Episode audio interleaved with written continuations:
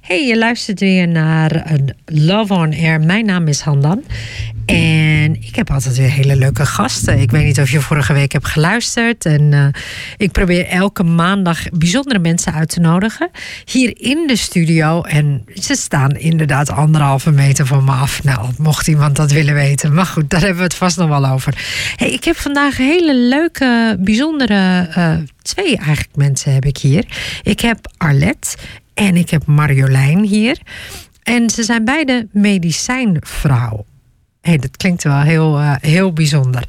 hey, um, mag ik jullie welkom heten? Ja, dankjewel. Ja, dankjewel. Uh.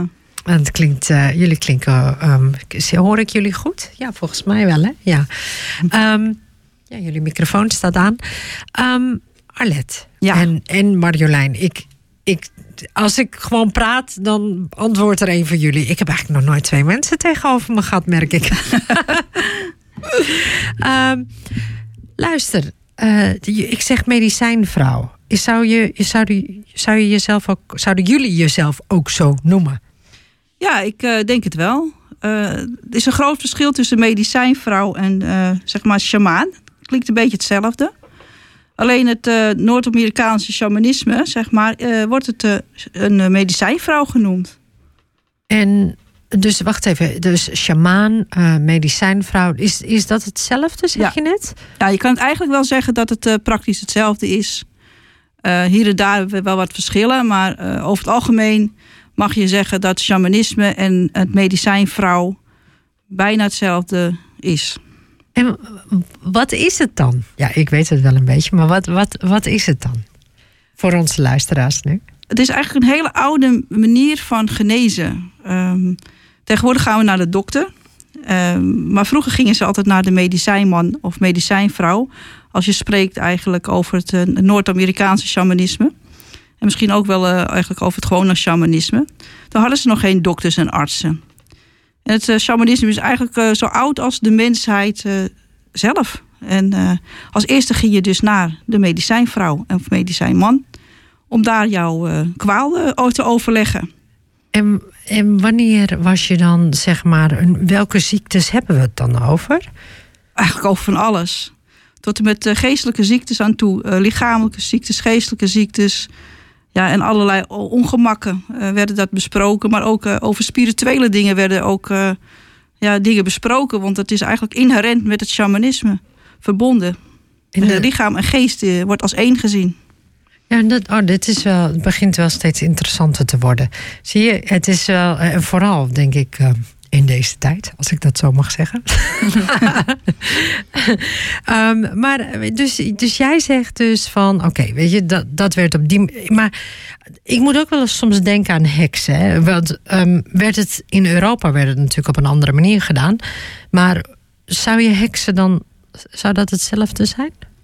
Um, eigenlijk niet, maar ook weer eigenlijk wel. Uh, je moet het eigenlijk zo zien dat, uh, als ik het goed heb hoor, want ik heel veel over hekserij weet ik niet. Maar wat ik wel weet is dat het zich ook bezighoudt met aarde-energie. En dat doen shamanen ook. Wij eren dus ook uh, moeder aarde, zoals we dat uh, noemen. Ofwel Unchimakga op zijn Lakota. Dus uh, hebben wij dus ook te maken met aarde-energie. Net zoals de heksen. en heksen werken geloof ik meer met goden. En wij werken eigenlijk met alles en nog wat wat energie heeft. Voor ons is energie het belangrijkste onderdeel van het shamanisme. Dat is wel bijzonder. En hoe, want je zegt nu Lakota, zei je even zo snel ertussendoor.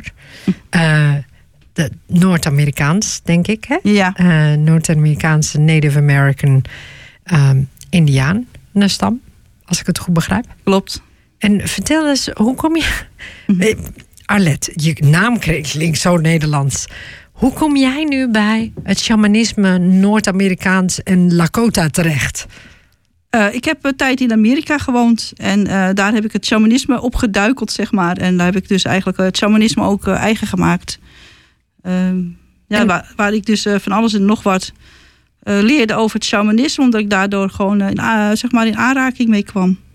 En hoe, hoe, hoe ging het? Want je zegt, je zegt het zo makkelijk, want er zijn wel, hebben wel meer mensen in de Verenigde Staten gewoond. Ja. En die hebben helemaal niet dat ze, dat ze shamanisme uh, zo interessant vonden. Hoe kom jij er dan zo bij? Nou, sowieso ben ik altijd geïnteresseerd geweest uh, in die richting.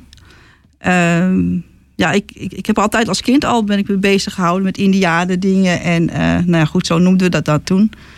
En uh, ja, daar heb ik dus met mijn shamanisme bezig. Ja, en zo ben ik er eigenlijk een beetje ingerold. Je gaat naar zo'n land en dan ga je kijken. Eens een keer op zo'n festival, uh, met Power Festival, dan ga je kijken. En ja, op een gegeven moment kom je dan mensen tegen die je dan uh, aanspreekt. Of die mij dan hebben aangesproken. En mij ook uitgenodigd hebben in een tribe. zeg maar, om het shamanisme, nou gewoon over het shamanisme te praten. En uiteindelijk ben ik op die manier gewoon erin gerold. Hmm. En het klinkt wel, dat klinkt wel heel interessant. Het is wel bijzonder hoe je, mm hoe je er zo bent ingerold. En, uh, en daarna ben je weer terug naar Nederland gegaan? Ja, uiteindelijk wel. Uh, na een aantal jaren ben ik inderdaad teruggegaan naar Nederland. Uh, ook ja, wegens omstandigheden. Ehm, was het beter om weer terug te gaan naar Nederland. waar ik mijn kinderen ook mee had genomen. En die hebben dus hun verdere opvoeding ook gehad in Nederland.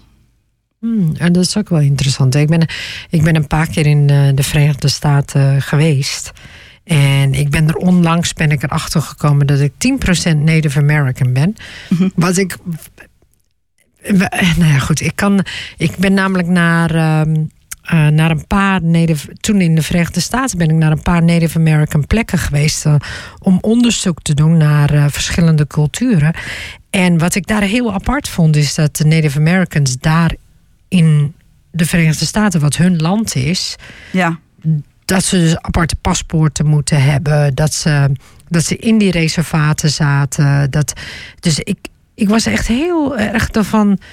En in mijn situatie, ik, ik ben van origine Turks, zeg maar, of wat dus blijkbaar niet, of van blijkbaar 12% volgens mijn DNA Turks te zijn. Maar, um, maar ik, wat ik zo apart vond, is dan zit je dus in een land wat van jou is. En dan ben je een soort van gast. Eh, dat vond ik zo schrijnend bij de natives. Uh, Dat ik, uh, ik, ik. En dan voel je echt die pijn ook van, van die mensen. Het is jouw land. Uh, dus ja, nou ja, goed, dat vond ik wel heel, heel erg. Dat, dat weet ik wel. Ja, dus behoorlijke geschiedenis zit erachter hoor. Inderdaad, heel veel leed en heel veel pijn is daar.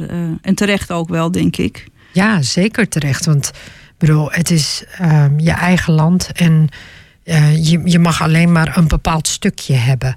En, uh, en al die verschillende stammen. En, ja.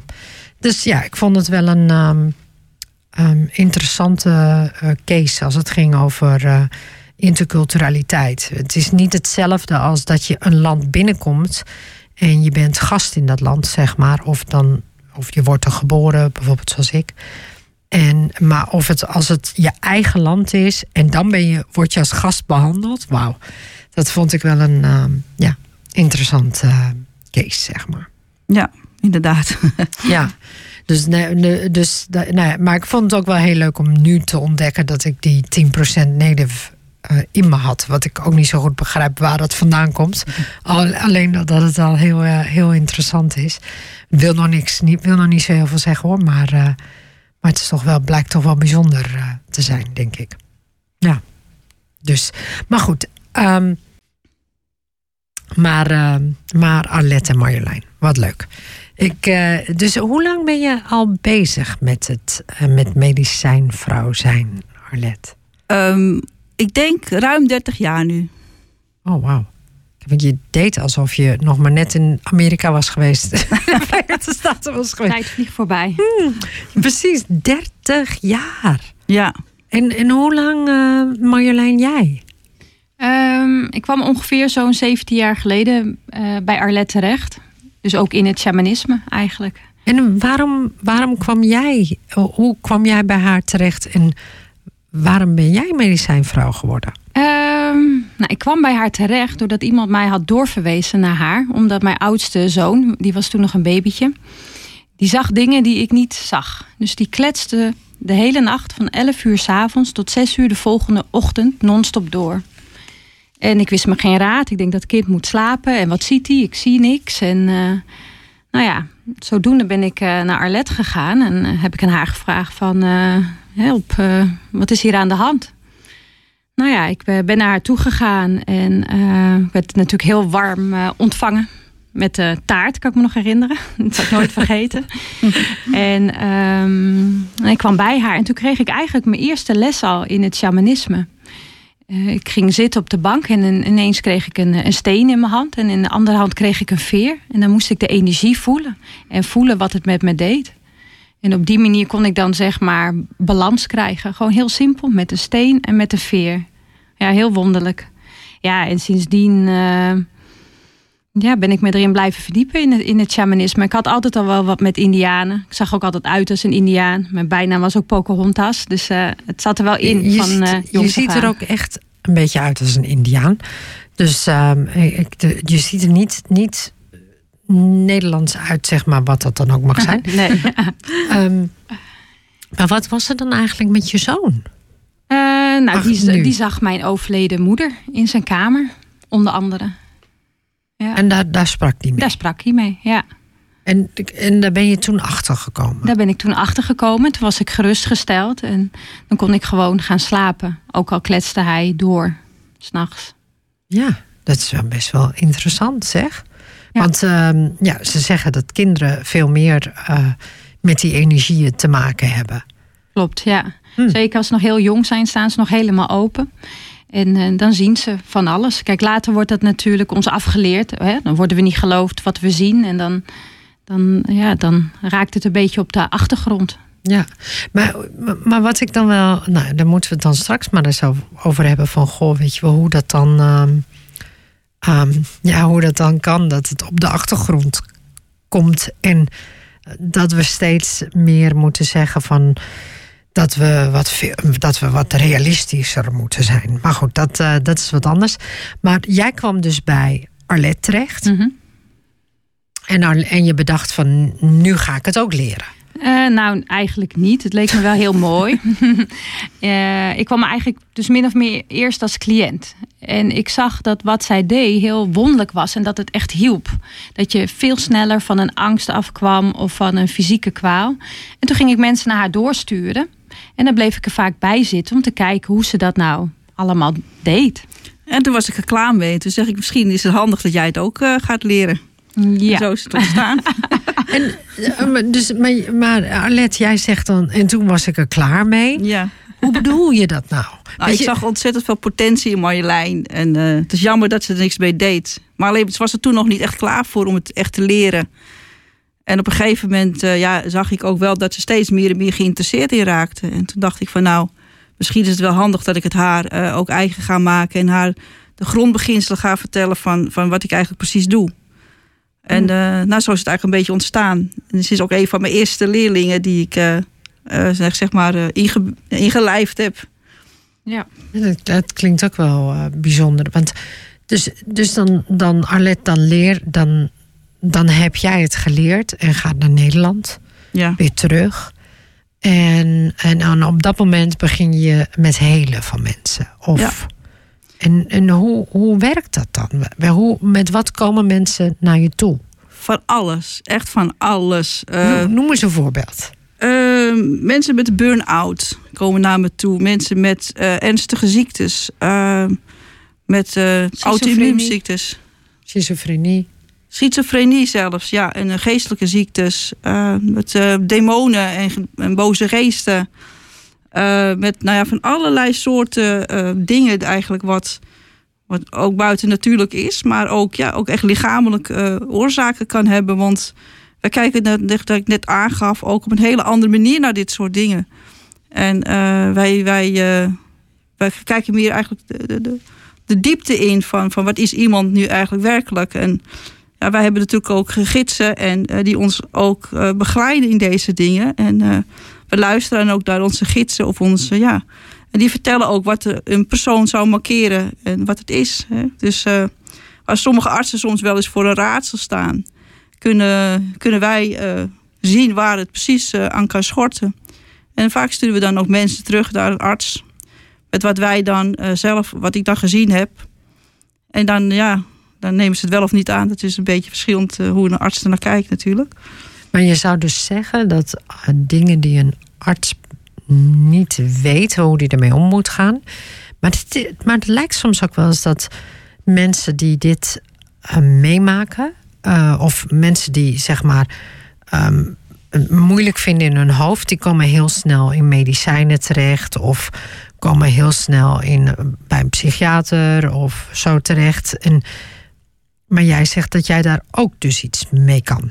Jazeker, zeker. Uh, juist mensen met psychische stoornissen komen bij ons heel vaak terecht. En wat we dan heel vaak ook gebruiken is uh, werken met het medicijnwiel.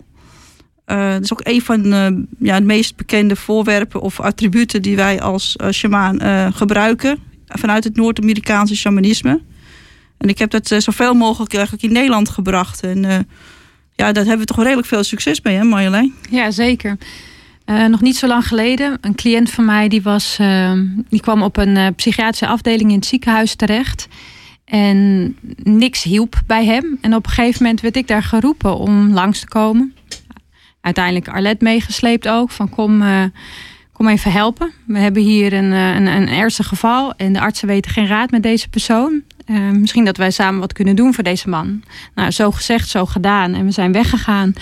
En niet, uh, nou, ik denk één of twee weken later werd ik gebeld door de, de zaalarts.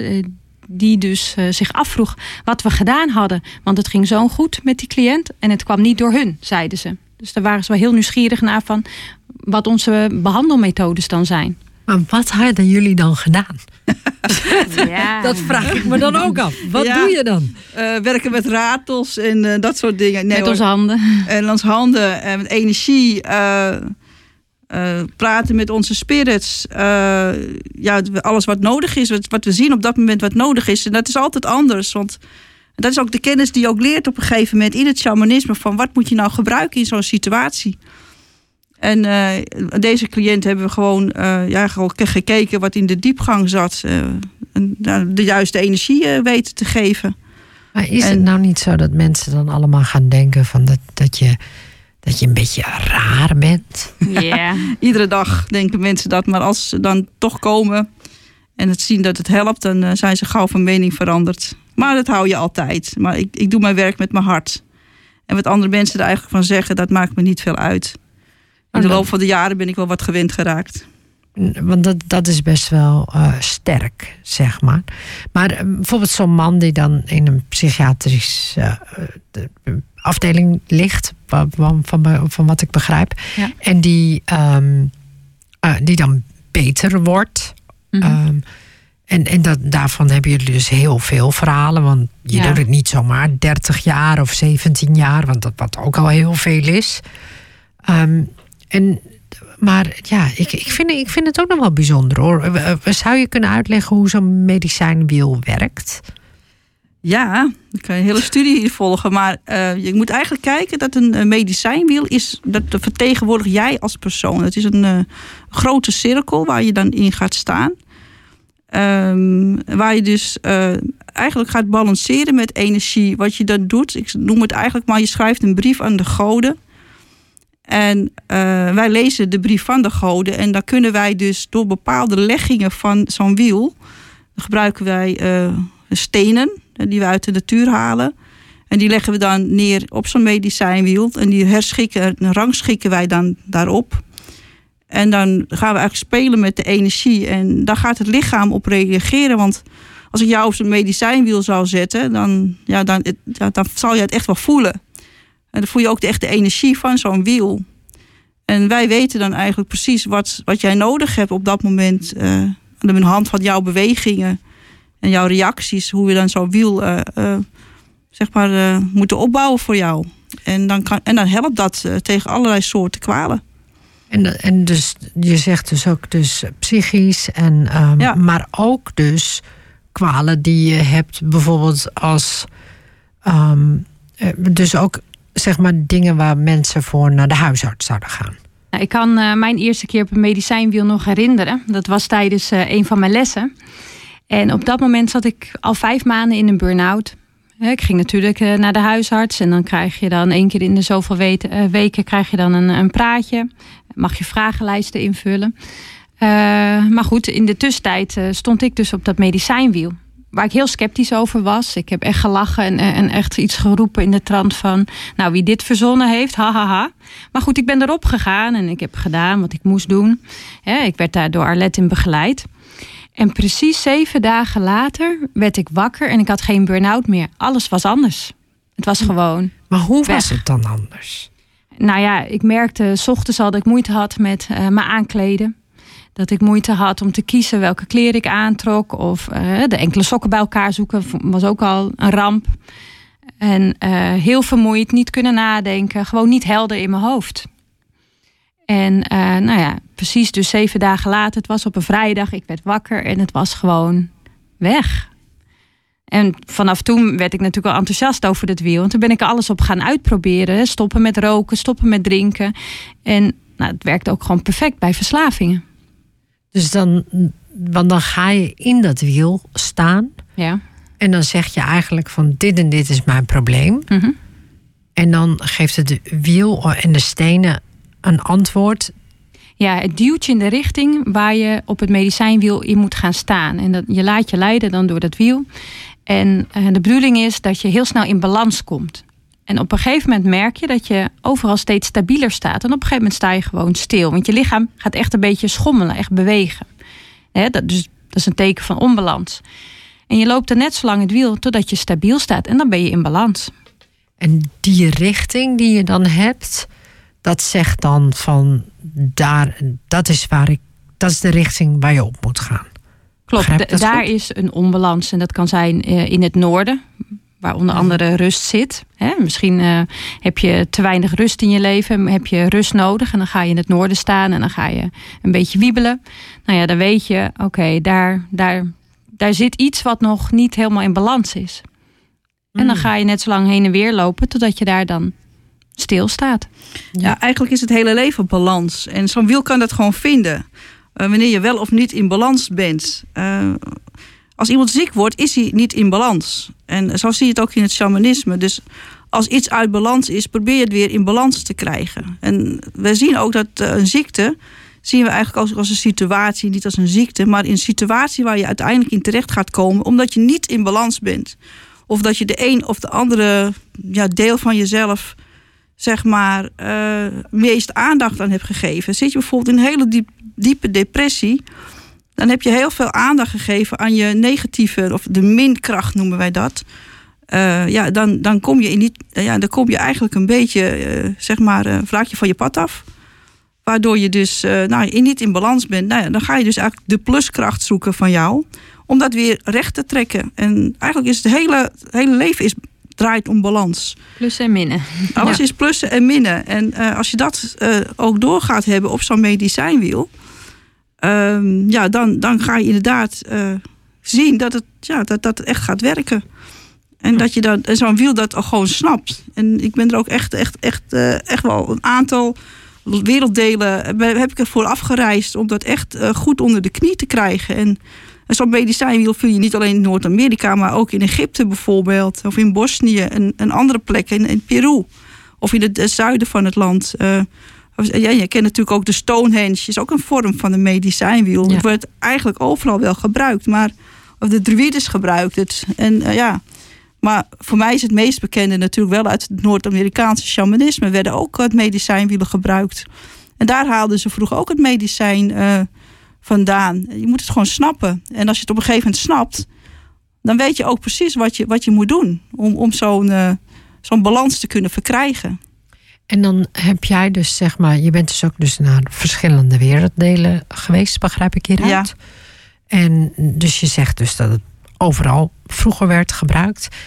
Maar als het overal werd, waarom wordt het dan, waarom wordt het dan nu nog steeds gezien als iets vreemds? Dat is een goede vraag waar ik geen antwoord op weet. En daar zijn we eigenlijk al jarenlang op zoek. Waarom dat nou eigenlijk is. Het is ook, ja, ze zien, mensen zien dat toch als een beetje hocus pocus, denk ik. En, maar ja, ik vind altijd dat mensen ook maar eens een keer moeten gaan staan op zo'n wiel. En moet gaan kijken van wat het doet. En dan kan je echt een oordeel vormen. En, um, ja. Ze voelen dan vanzelf wel dat het, dat het iets doet. ze, ze proberen echt stil te staan en dat lukt niet. En ze voelen echt dat in het noorden het anders aanvoelt dan in het zuiden bijvoorbeeld. Ja. Ja, dat, nou ja, goed. Je, je, je lichaam geeft volgens mij ontzettend veel aan. En, ehm, want ja, ik weet zelf, zelf ook heel vaak dat mensen gewoon heel slecht naar hun lichaam luisteren. En het liefst eigenlijk ehm, net willen doen alsof dat lichaam niet bestaat. En er alleen maar is om eigenlijk dat hoofd te vervoeren of zo. Ik weet niet precies hoe dat, hoe dat soms werkt. Maar dat, dat, dat hoofd, in, vooral in de westerse wereld, staat heel erg op nummer één. En, ehm, en alles wat er gebeurt in het lichaam wordt heel erg uh, gewoon een beetje weg, weggezet. Uh, dus het duurt altijd heel lang voor mensen voordat ze hun lichaam, naar hun lichaam kunnen luisteren. En, maar dit is, gaat nog weer, weer een stapje verder. Dit gaat eigenlijk naar, dit gaat naar energie luisteren, als ik het goed begrijp. Ja, exact. En dat is precies wat een uh, shamaan ook doet. Luister naar de energieën, naar de echo van de, van de energie. Hè, dus ook wat, wat geweest is, maar ook wat, wat gaat komen. Want wij zien ook energie als een heelheid. Het is geen begin en er is geen eind. Het is, het is gewoon. Het is wakgang. Dus eigenlijk, het is, het is het ultieme energie waar wij eigenlijk uit, uit ons zijn ontstaan. Waar allemaal zijn ontstaan. Wat wij ook zien, uh, zeg maar, in het shamanisme. Het is ook een hele andere manier van kijken naar, naar, naar dingen. Uh, alles is energie. Een ja. boom is energie, een plant is energie, het water is energie. Uh, ja, en als dat ook niet in balans is, uh, zijn wij ook niet in balans. Want alles is een eenheid. Hmm. En zo voelen wij dat ook, uh, zeg maar. Dan ben ik wel benieuwd hoe jij, hoe jij straks naar deze, deze tijd ga, kijkt. Wij gaan heel eventjes door met muziek. Want anders dan, dan draai ik nooit genoeg muziek. Want dan kan ik uren door blijven praten. Dat weet inmiddels wel iedereen van mij. Um, we gaan heel even naar Cher toe. Ook iemand die volgens mij uh, een soort Cherokee-achtergrond uh, heeft. Um, misschien ook niet, ik weet het niet. Volgens mij lachen jullie een beetje, maar I don't know. Maar uh, het is natuurlijk geen Lakota, maar Cherokee is natuurlijk ook Noord-Amerikaans. En laten we eens luisteren naar If I Could Turn Back Time.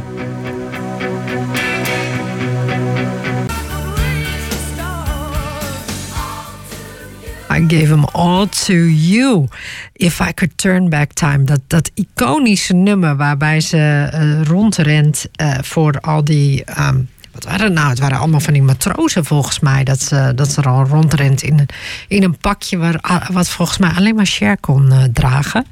Dus het was wel een heel bijzonder. Bijzonder videoclipje. Vooral in die tijd. Dat, dat je echt dacht van wow, weet je, wat heeft zij aan? Um, maar volgens mij heeft men nu hele, eh, heeft men dat soort dingen nu ook wel heel erg vaak aan. Maar share, have, uh, Cherokee. Um, en dus helemaal passend bij de gasten die ik vandaag heb. Mijn naam is Handan, dat vergeet ik gewoon om te zeggen. En je luistert naar Love on Air. Um, en ik heb vandaag weer twee hele leuke, bijzondere gasten. Uh, twee medicijnvrouwen heb ik, heb ik uitgenodigd. En ook gewoon echt dat ik dacht van nou, laten we eens kijken um, wat deze dames uh, te zeggen hebben. Want um, in deze tijd wil ik, uh, wil ik graag andere soorten mensen spreken, ben ik, uh, ben ik achter. Um, en het gaat natuurlijk wel over de liefde, maar dit is een andere soort tijd waar we op een, volgens mij op een andere manier met elkaar om moeten gaan. Dus nou, daarom heb ik Arlette en ik heb Marjolein. Ja, en uh, als je het over liefde hebt, dan kan je ook zeggen over liefde voor de aarde. Ja, uh, die wij dat is toch, een goede Arlet. Ja, ja, zeker. Want uh, liefde voor de aarde, dat hebben wij in het shamanisme. Als je het goede shamanisme echt beoefent, heb je dat ook echt wel zeker. En dat is echt een groot gebrek. dat zie je ook bij heel veel andere shamanen hoor. Dat ze ook het shamanisme beoefenen. Maar er komt geen stukje aarde aan te pas. En dan denk ik ook van ja, het is toch wel een heel belangrijk aspect. En onze eerste liefde is ook uh, moeder aarde. We noemen het ook, ook moeder aarde, omdat het is echt van, van iets wat, dat, wat, wat, uh, waar we uit geboren zijn. Het is een heel belangrijk aspect. En uh, onze eerste liefde is ook moeder aarde. En, maar je zegt, je eerste liefde, dat bedoel je als sham? Is dat de eerste liefde? Of zeg je, dat is van de hele mensheid, is dat zo? Het zou eigenlijk van de hele mensheid behoren te zijn. Want als je gewoon kijkt hoe wij met de aarde omgaan. Uh, en dat we steeds, uh, nou ja, steeds verder van afkomen te staan. En wij kijken er eigenlijk op een hele andere manier naar om te zeggen: ja, kijk, hoe verder jij van de aarde af komt te staan, ja, des te meer uh, ja, ook in de problemen gaat komen. Want we zijn ook een stukje van Moeder Aarde. We zijn eigenlijk gewoon natuur. En dat vergeten we wel eens. Nou ja, we, we stellen ons graag boven de natuur. Dat is wat we volgens mij heel erg doen. Net doen alsof die natuur ons moet uh, voorzien van alles en wij niks hoeven terug te doen. Ja, dat is inderdaad zo. Nou, ik, uh, op dit moment uh, weet ik dat er hele vervelende dingen gebeuren in de wereld. maar ik zie wel dat de natuur ervan opknapt. Nou, zeg dat wel. Ja, ja want wat, wat, vertel mij eens nou hoe jullie kijken naar het coronavirus. Um, ja, een beetje dubbel. Uh, het is ook iets wat, wat ja, eigenlijk iets wat de aarde ja, uh, loslaat. Hè. Wij, wij kijken, uh, net wat ik ook een beetje aangaf in het vorige deel, dat we, we zien de, zeg maar, iets niet als een ziekte of een aandoening. Het is een situatie waar wij op een gegeven moment in gaan verkeren. En als, ja, en, wij maken, wij doen ook een hoop zelf. Hè. Dat zien wij ook vanuit het shamanisme. Wij creëren, we hebben de kracht van creatie hebben in ons. Dus wij kunnen ook dingen creëren. En als wij steeds verder van, van de natuur afraken, dan, dan, ja, dan hebben we ook die verbinding niet meer. We hebben hem nodig. Want in wezen, als je zo gaat bekijken zeg maar, van het corona, hebben, we zouden toch echt wel een, een, eh, een antidoot zou moeten kunnen vinden. Want alles geeft moeder aarde ons. Alleen, het is de kunst om het te vinden. En niet alleen in het synthetische, maar ook in het plantenrijk. De planten geven ons alles uh, om weer beter te kunnen worden. Mhm. Maar we zijn zo ver van de aarde afgeraakt. En we denken dat wij alles kunnen vinden in alle synthetische middelen. We kunnen ook eens gaan kijken in het plantenrijk of daar uh, ook medicijnen voor zijn. Er zijn zoveel kruiden die wij uh, ook gebruiken ook, om mensen heel te maken. En ja, ik, ik, ik, ik, en elke ziekte is natuurlijk verschrikkelijk. En wat er gebeurt vind ik ook heel, heel erg. Maar uh, ja, het, het, is, het is een onderdeel van, van wat de natuur ons ook, uh, ook brengt. Hè? Dus uh, we zijn een onderdeel van het. Alles is de cyclus. Maar ook hier gaat het weer om onbalans. Ja, dat er is geen, ook, ja. geen balans. Ja. Want wij nemen maar van de aarde, we nemen maar en we geven niks terug. Mm -hmm. Ja, dat, uh, dat, want dat zie je dus nu heel mooi. Nu we minder auto rijden. Nu we um, ja, op een andere manier. Uh, ja, ja, minder auto, minder. Ja, wat, wat doen we allemaal wel niet? Allemaal minder nu op dit moment. En je ziet gewoon dat de luchten meer blauw worden. Dat op, bij grote steden de smog wegtrekt. Um, nou ja, ik vind Venetië vind ik het mooiste voorbeeld. Dat al het water want ik ben in Venetië geweest. Dat water was inderdaad bruin. En wat ik nu zie, is het gewoon blauw. Klopt, ja. Dat vind ik ongelooflijk. Ja. Uh, en zwanen komen weer terug in, de, in, in, in Venetië. Ja, dat zijn wel echt. Ik bedoel, ik, ik, zie het niet zo snel hier in Nederland op dit moment. Maar um, er is ook nog te kort tijd voor, denk ik. Maar je ziet toch wel kleine veranderingen in hoe mensen met elkaar omgaan. Dat vind ik al heel bijzonder ja, mensen komen gewoon steeds meer, steeds meer bij elkaar. Je ziet het ook, hè. Dus ondanks dat alles, uh, ja, uh, we moeten wel meer met elkaar uh, gaan. Nou, blijkt het toch wel te kunnen. Uiteindelijk ja. wel, ja. Als ja. het op aankomt wel. We zijn altijd zo druk met onze dagelijkse beslommeringen... dat we de essentiële dingen van het leven eigenlijk vergeten. Ja. En dat, dat is dat, zeker het geval. En, en je, je zegt eigenlijk van... Um, wij werken ook met, um, je zei net, we werken ook met kruiden. Ja. Wat voor kruiden werk je ermee? Allemaal soorten planten. Uh, de eigenlijk kan je het zien als een fytotherapeut. Wij werken dus uh, rechtstreeks vanuit wat moeder aarde geeft, of gewoon de aarde geeft. En daar maken wij onze ja, geneesmiddelen van. Uh, dat is ook een ja, medicijnvrouw, het zegt het eigenlijk al we halen medicijnen echt rechtstreeks uit de natuur. En uh, nou ja, misschien hebben de mensen de laatste tijd heel veel hoofdpijn gehad. Wat uh, ontgifting is, wat wij zien. Uh, ja, de, natuur, of de lucht wordt zo schoon. En ons lichaam is daar niet echt meer op ingesteld.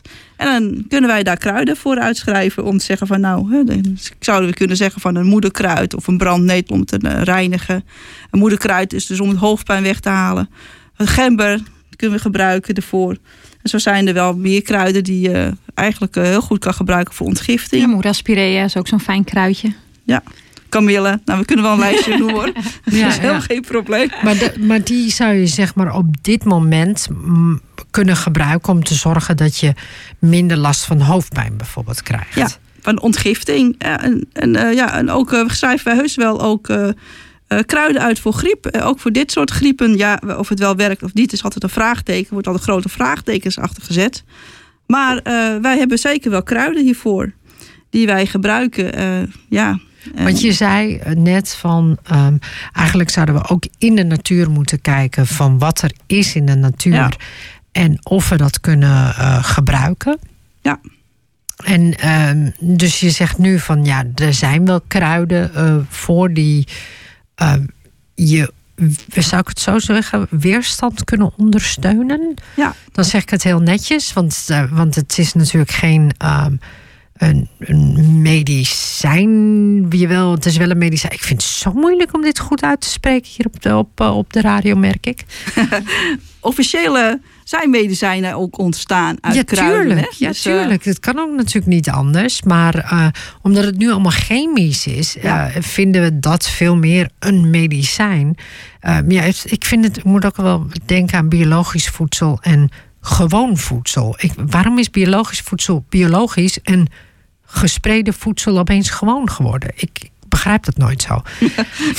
toch? Ik bedoel, dat is toch eigenlijk best wel een hele... Volgens mij was hele... het voedsel altijd biologisch. Exact. Dus eigenlijk zou het voedsel nou niet logisch moeten heten. Exact, weet je. Maar, maar iedereen doet dat heel gek als je het hebt over biologisch voedsel. Ja. Dat ik denk van, hm, maar dat is toch het gewone voedsel en het niet biologische. Dat zou je eigenlijk gek moeten vinden. En volgens mij geldt dat hier ook een beetje. Dat ja. je de uh, natuurlijke medicijnen gewoon zou moeten vinden. En de andere medicijnen ongewoon. Ja, eigenlijk is alles gewoon een beetje omgedraaid hè, in, de, ja. in de wereld. Want vroeger hadden we niks anders als de kruiden uit de natuur. Hè, dus dat werd altijd gebruikt. En nu zie je echt, we gaan, ja, net wat ik zei, je gaat naar de dokter, je krijgt daar heel snel medicijnen voor. En, en, ja, en er gingen, we, beetje... gingen we het bos in om uh, onze kruiden te zoeken. Ja. Dat is gewoon een heel verschil. Ja. Maar ook gewoon het feit dat er een beetje lacherig wordt gedaan als je Ja. het hebt over. Goh, laat ik een kopje kamillethee drinken. Of laat ik uh, brandnetel uh, gaan plukken. Want ik heb vorig jaar heb ik, um, heb ik heel veel brandnetels geplukt. Ik heb ze ook gejuiced. Ja, en dan denken mensen van wat, wat doet ze nu? Ze juiced brandnetels. Ja, dan. dan dan gaan die uh, stekeltjes gaan er ook gewoon af. Hè? Dus die ja, proef je helemaal niet meer. Maar je krijgt echt een heel erg groene sap. Het, het was echt heel groen. En ik dacht alleen, alleen maar van, dit kan me eigenlijk alleen maar helpen. En het is ook echt zo. Het ontgift enorm. Ja. En um, dus toen de brandnetels waren, hoeveel mensen wel niet naar me toe zijn gekomen van wat ben je aan het doen? en ik zei, ik ben brandnetels aan het plukken. Het zei één iemand, oh, om soep te maken. Ik dacht, ja, ik zeg maar ja. Want als ik ga zeggen dat ik het ga juicen, denk ze helemaal dat ik gek ben. Maar uh, ja, dat, uh, en, ik, en ik gebruik de, zeg maar, ik heb de pulp gedroogd en die, uh, die gebruik ik in mijn thee. Dus, dat, dus ja, nee, ik begrijp het wel. Brandnetel is natuurlijk. Ik, ja, ik snap het wel. Brandnetel is super goed voor je. Maar uh, ik weet niet of mensen uh, eigenlijk dat weten, dit soort dingen. Of ze het, of ze het niet allemaal heel gek vinden. Ja, uh, sommige mensen wel. Ik, ik zie toch wel dat de laatste tijd toch wel steeds meer mensen er wel voor open gaan staan. Want ook uh, ze zien wel dat niet altijd uh, de, de, de, reguliere medicatie echt werkt. Omdat er zo verschrikkelijk veel bijwerkingen zitten. Dat is vaak nog erger dan de kwaal zelf. Ja. En ja, als je een plant neemt, dan, dan heb je niet zoveel bijwerking, of bijna niet. Dat is ook het verschil hè, tussen een, een, homeopaat en een, een fytotherapeut. Wij gebruiken dus de hele plant. Want wij geloven ook in de uh, antistoffen van de plant, dat je die ook nodig hebt. Uh, zeg maar, als je het medicijn gebruikt van de plant. En, en als je nu hebt uh, over corona, wat ondersteunt je gezondheid? Nou ja, je zou daar inderdaad. je zou daar uh, inderdaad ook. Uh, ja, wij, wij, wij gaan dan een soort uh, reis. Ja, dan gaat iedereen natuurlijk lachen. Maar wat wij dan gaan doen, is een soort reis maken naar de, het plantenrijk. Hè? Dus wij, wij communiceren dan eigenlijk met, zeg maar, met de natuur. En we vragen dus eigenlijk de natuur, dat doen we door middel van transreizen. wat ik la, laatst was gedaan, of eigenlijk pas gedaan op een van mijn leerlingen. Die uh, zegt, kom we gaan eens een keer kijken wat we kunnen gaan doen voor de coronavirus. Nou, wel een leuk idee. En uh, dus wij zijn een transreis gegaan maken naar dat plantenrijk. En we zijn echt rechtstreeks gaan vragen van wat hebben we nodig? En nou, toen kregen wij eigenlijk allerlei soorten planten te zien. Uh, die daarmee te maken zouden hebben. En hij heeft het gezien en ik heb het gezien. Uh, ik heb de naam, want ze geven niet de namen, je ziet alleen de plant in zo'n reis. Dus je moet een klein beetje verstand ervan hebben. En we zagen eigenlijk hetzelfde. En uh, we hebben dat opgeschreven. En ja, we, we gaan deze dingen zo'n beetje wel meegeven aan mensen zo langzamerhand. En dat is echt een vraag van, heb jij wat? Ik zeg, ja, ik kan wel wat meegeven. Ik zeg, maar ja, ik ben altijd heel voorzichtig hoor, als ik dat soort dingen doe. Maar... Ik heb het wel geproefd en het uh, smaakte best lekker, kan ik zeggen. en we zijn nog steeds, uh, nou ja, oké, okay, geloof ik hè. Ja, ik Ook leef zitten nog. we anderhalve meter van elkaar af. Nou ja, weet Maar- je, ik, ik, geloof, uh, ik geloof sowieso wel dat, dat planten. Je, je kunnen niet zo heel veel kwaad, zeg maar. Precies wat jullie zeggen. Het heeft heel weinig uh, bijwerkingen. Um, maar ik vind het wel bijzonder dat je dus in een dat je dan in trance gaat. Want dat is dus het verschil volgens mij. Ja. Dat je gaat dus in trance en dan krijg je dus de connectie met de planten, wat ik Ja. begrijp. Plantenrijk, zoals we dat noemen. Ja, Maar je kan het ook op een andere manier doen. En dan kom ik weer aan met het medicijnwiel. Ook daarin kan je de juiste kruiden gaan testen die je nodig hebt. Ook dat laat het wiel zien. Ja. En Dat is- kom je dan op dezelfde planten uit of kom je dan op iets anders uit? Dat moeten we nog testen. Oh ja, dat is nog niet getest. Gaan we Oké, nog doen. oké, oké. Dat, eh, dat is wel denk ik wel interessant als je dan weet van... hé, hey, weet je wel, wat komt het ongeveer op hetzelfde uit of, eh, of niet? Ja, dat lijkt me wel, eh, lijkt me wel bijzonder. Kijk, het kan zeker als ondersteuning dienen. hè. Je moet niet, ik, ik geloof ook echt zeker in de medische wetenschap. Dat zal ik echt niet wegvlakken. Ze kunnen echt prachtige dingen doen. En ik ben ook heel dankbaar dat ze er zijn. Eh, maar zeker als een stuk ondersteuning, eh, ja, vind ik ook wel dat we ook mogen kijken. Kijk, wij kijken ook naar het, medische gedeelte. Want eh, Marjolein en ik zijn alle twee ook medisch geschoold. We weten dus een klein beetje wel wat er in de medische, ja, medische tak van sport zich afspeelt. Eh, maar ik vind het ook jammer dat ze dan niet naar ons kijken. En, en onze visie eh, nou goed bestuderen van hoe wij het dan doen. Nou ja, ze willen wel. Ik had eh, een tijdje terug een psychiater aan de, aan, de, aan de telefoon. En die was heel erg nieuwsgierig hoe wij, keken naar, hoe wij kijken naar schizofrenie. En daar hadden we een gesprek over. En nou, hij wilde ons heel graag in zijn werkgroep hebben. Alleen mocht hij niet zeggen dat wij shamanen zijn. Want dan zou hij zijn beroep niet kunnen uitoefenen. Dus hij moet nog iets gaan verzinnen hoe wij toch kunnen deelnemen aan de werkgroep om eh, onze bevindingen te delen.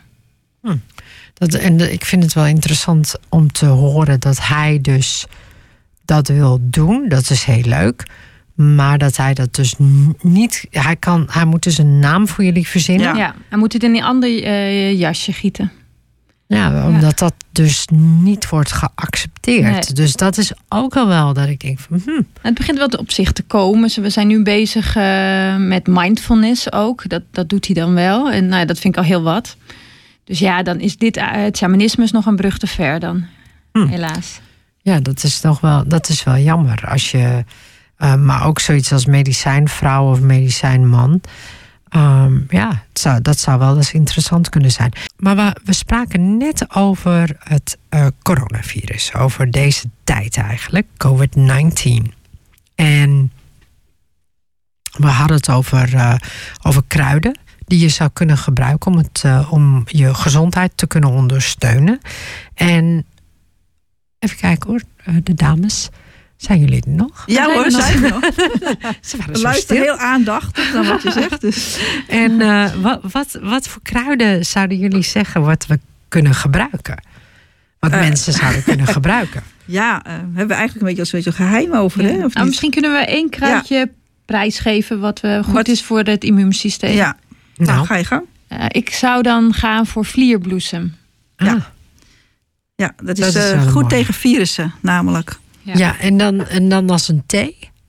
Eh, ja, zeker als een thee. Wij gebruiken eigenlijk alles als een thee. Eh, ja, en eh, het liefst als het, ze moet zo min mogelijk smaken. Want daar gaan onze klachten altijd naartoe. Dat het zo vies smaakt. Het is een medicijn, toch? Dus. En mijn leraar zei vroeger altijd: als het vies smaakt, dan neem je het niet te veel. En dan is het ook goed voor je lichaam. Dat heb ik altijd heel goed onthouden. Maar volgens mij is het ook als het wat bitterder is, is het ook wel gewoon goed voor je lever. Ja, Dat zegt ze, ja. Ja, dat, eh, want je lever houdt erg van bitter.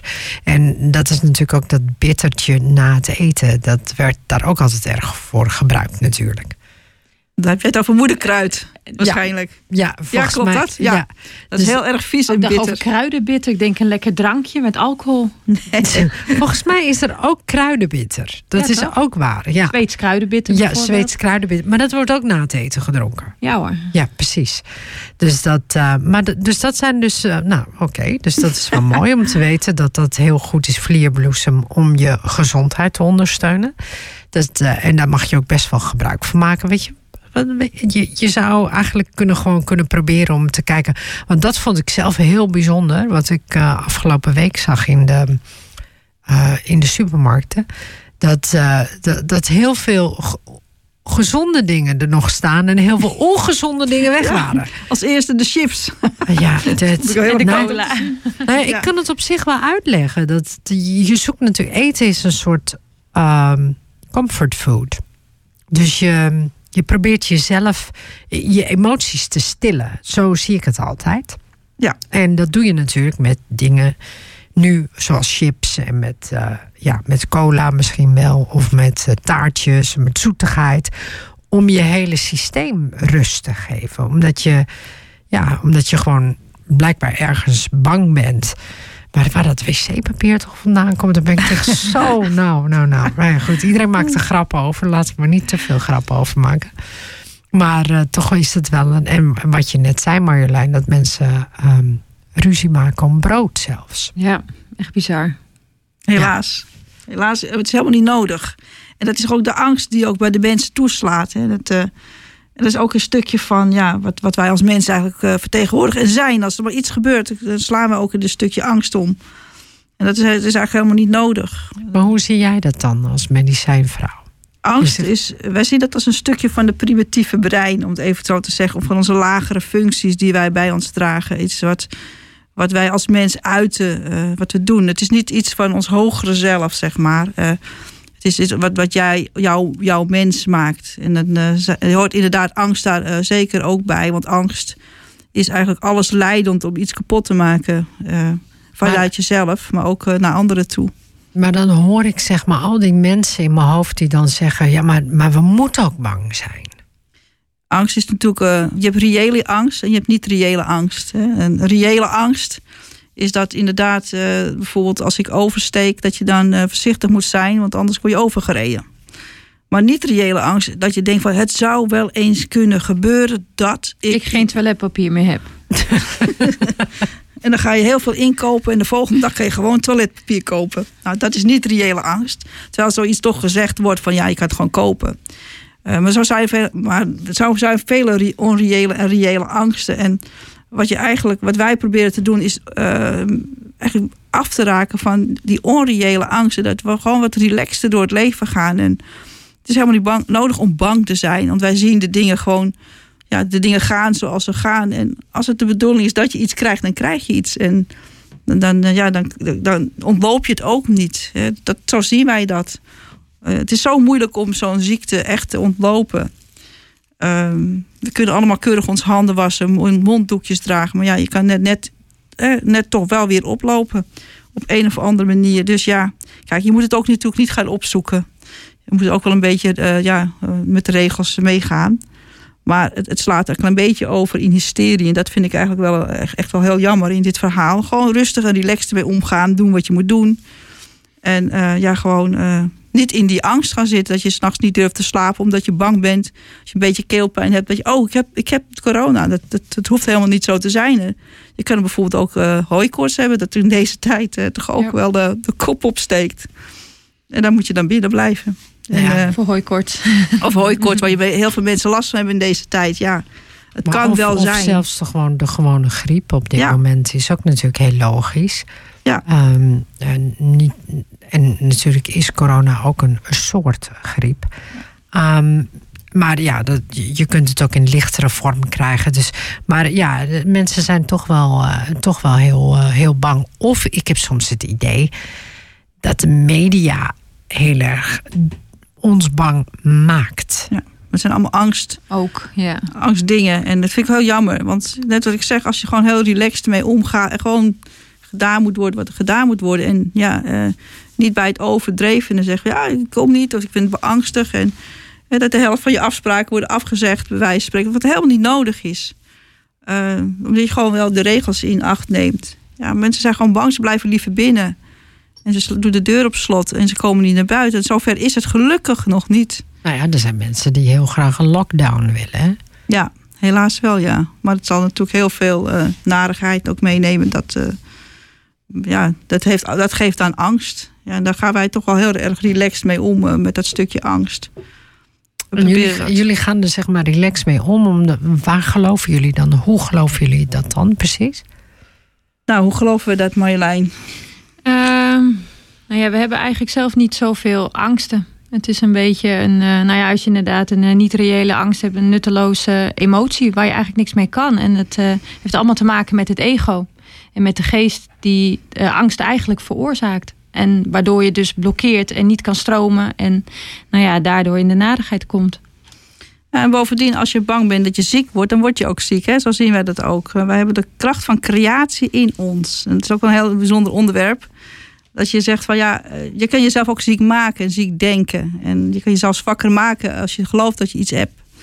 Eh, noemen we dat maar een placebo-effect. Laten we het dan zomaar even noemen. Je kan je ziek maken, maar je kan ook beter, jezelf beter maken in sommige situaties. Ja. En als je erin gelooft dat je hartstikke ziek bent, dan word je ook heel erg ziek. Alles wat je aandacht geeft, dat groeit.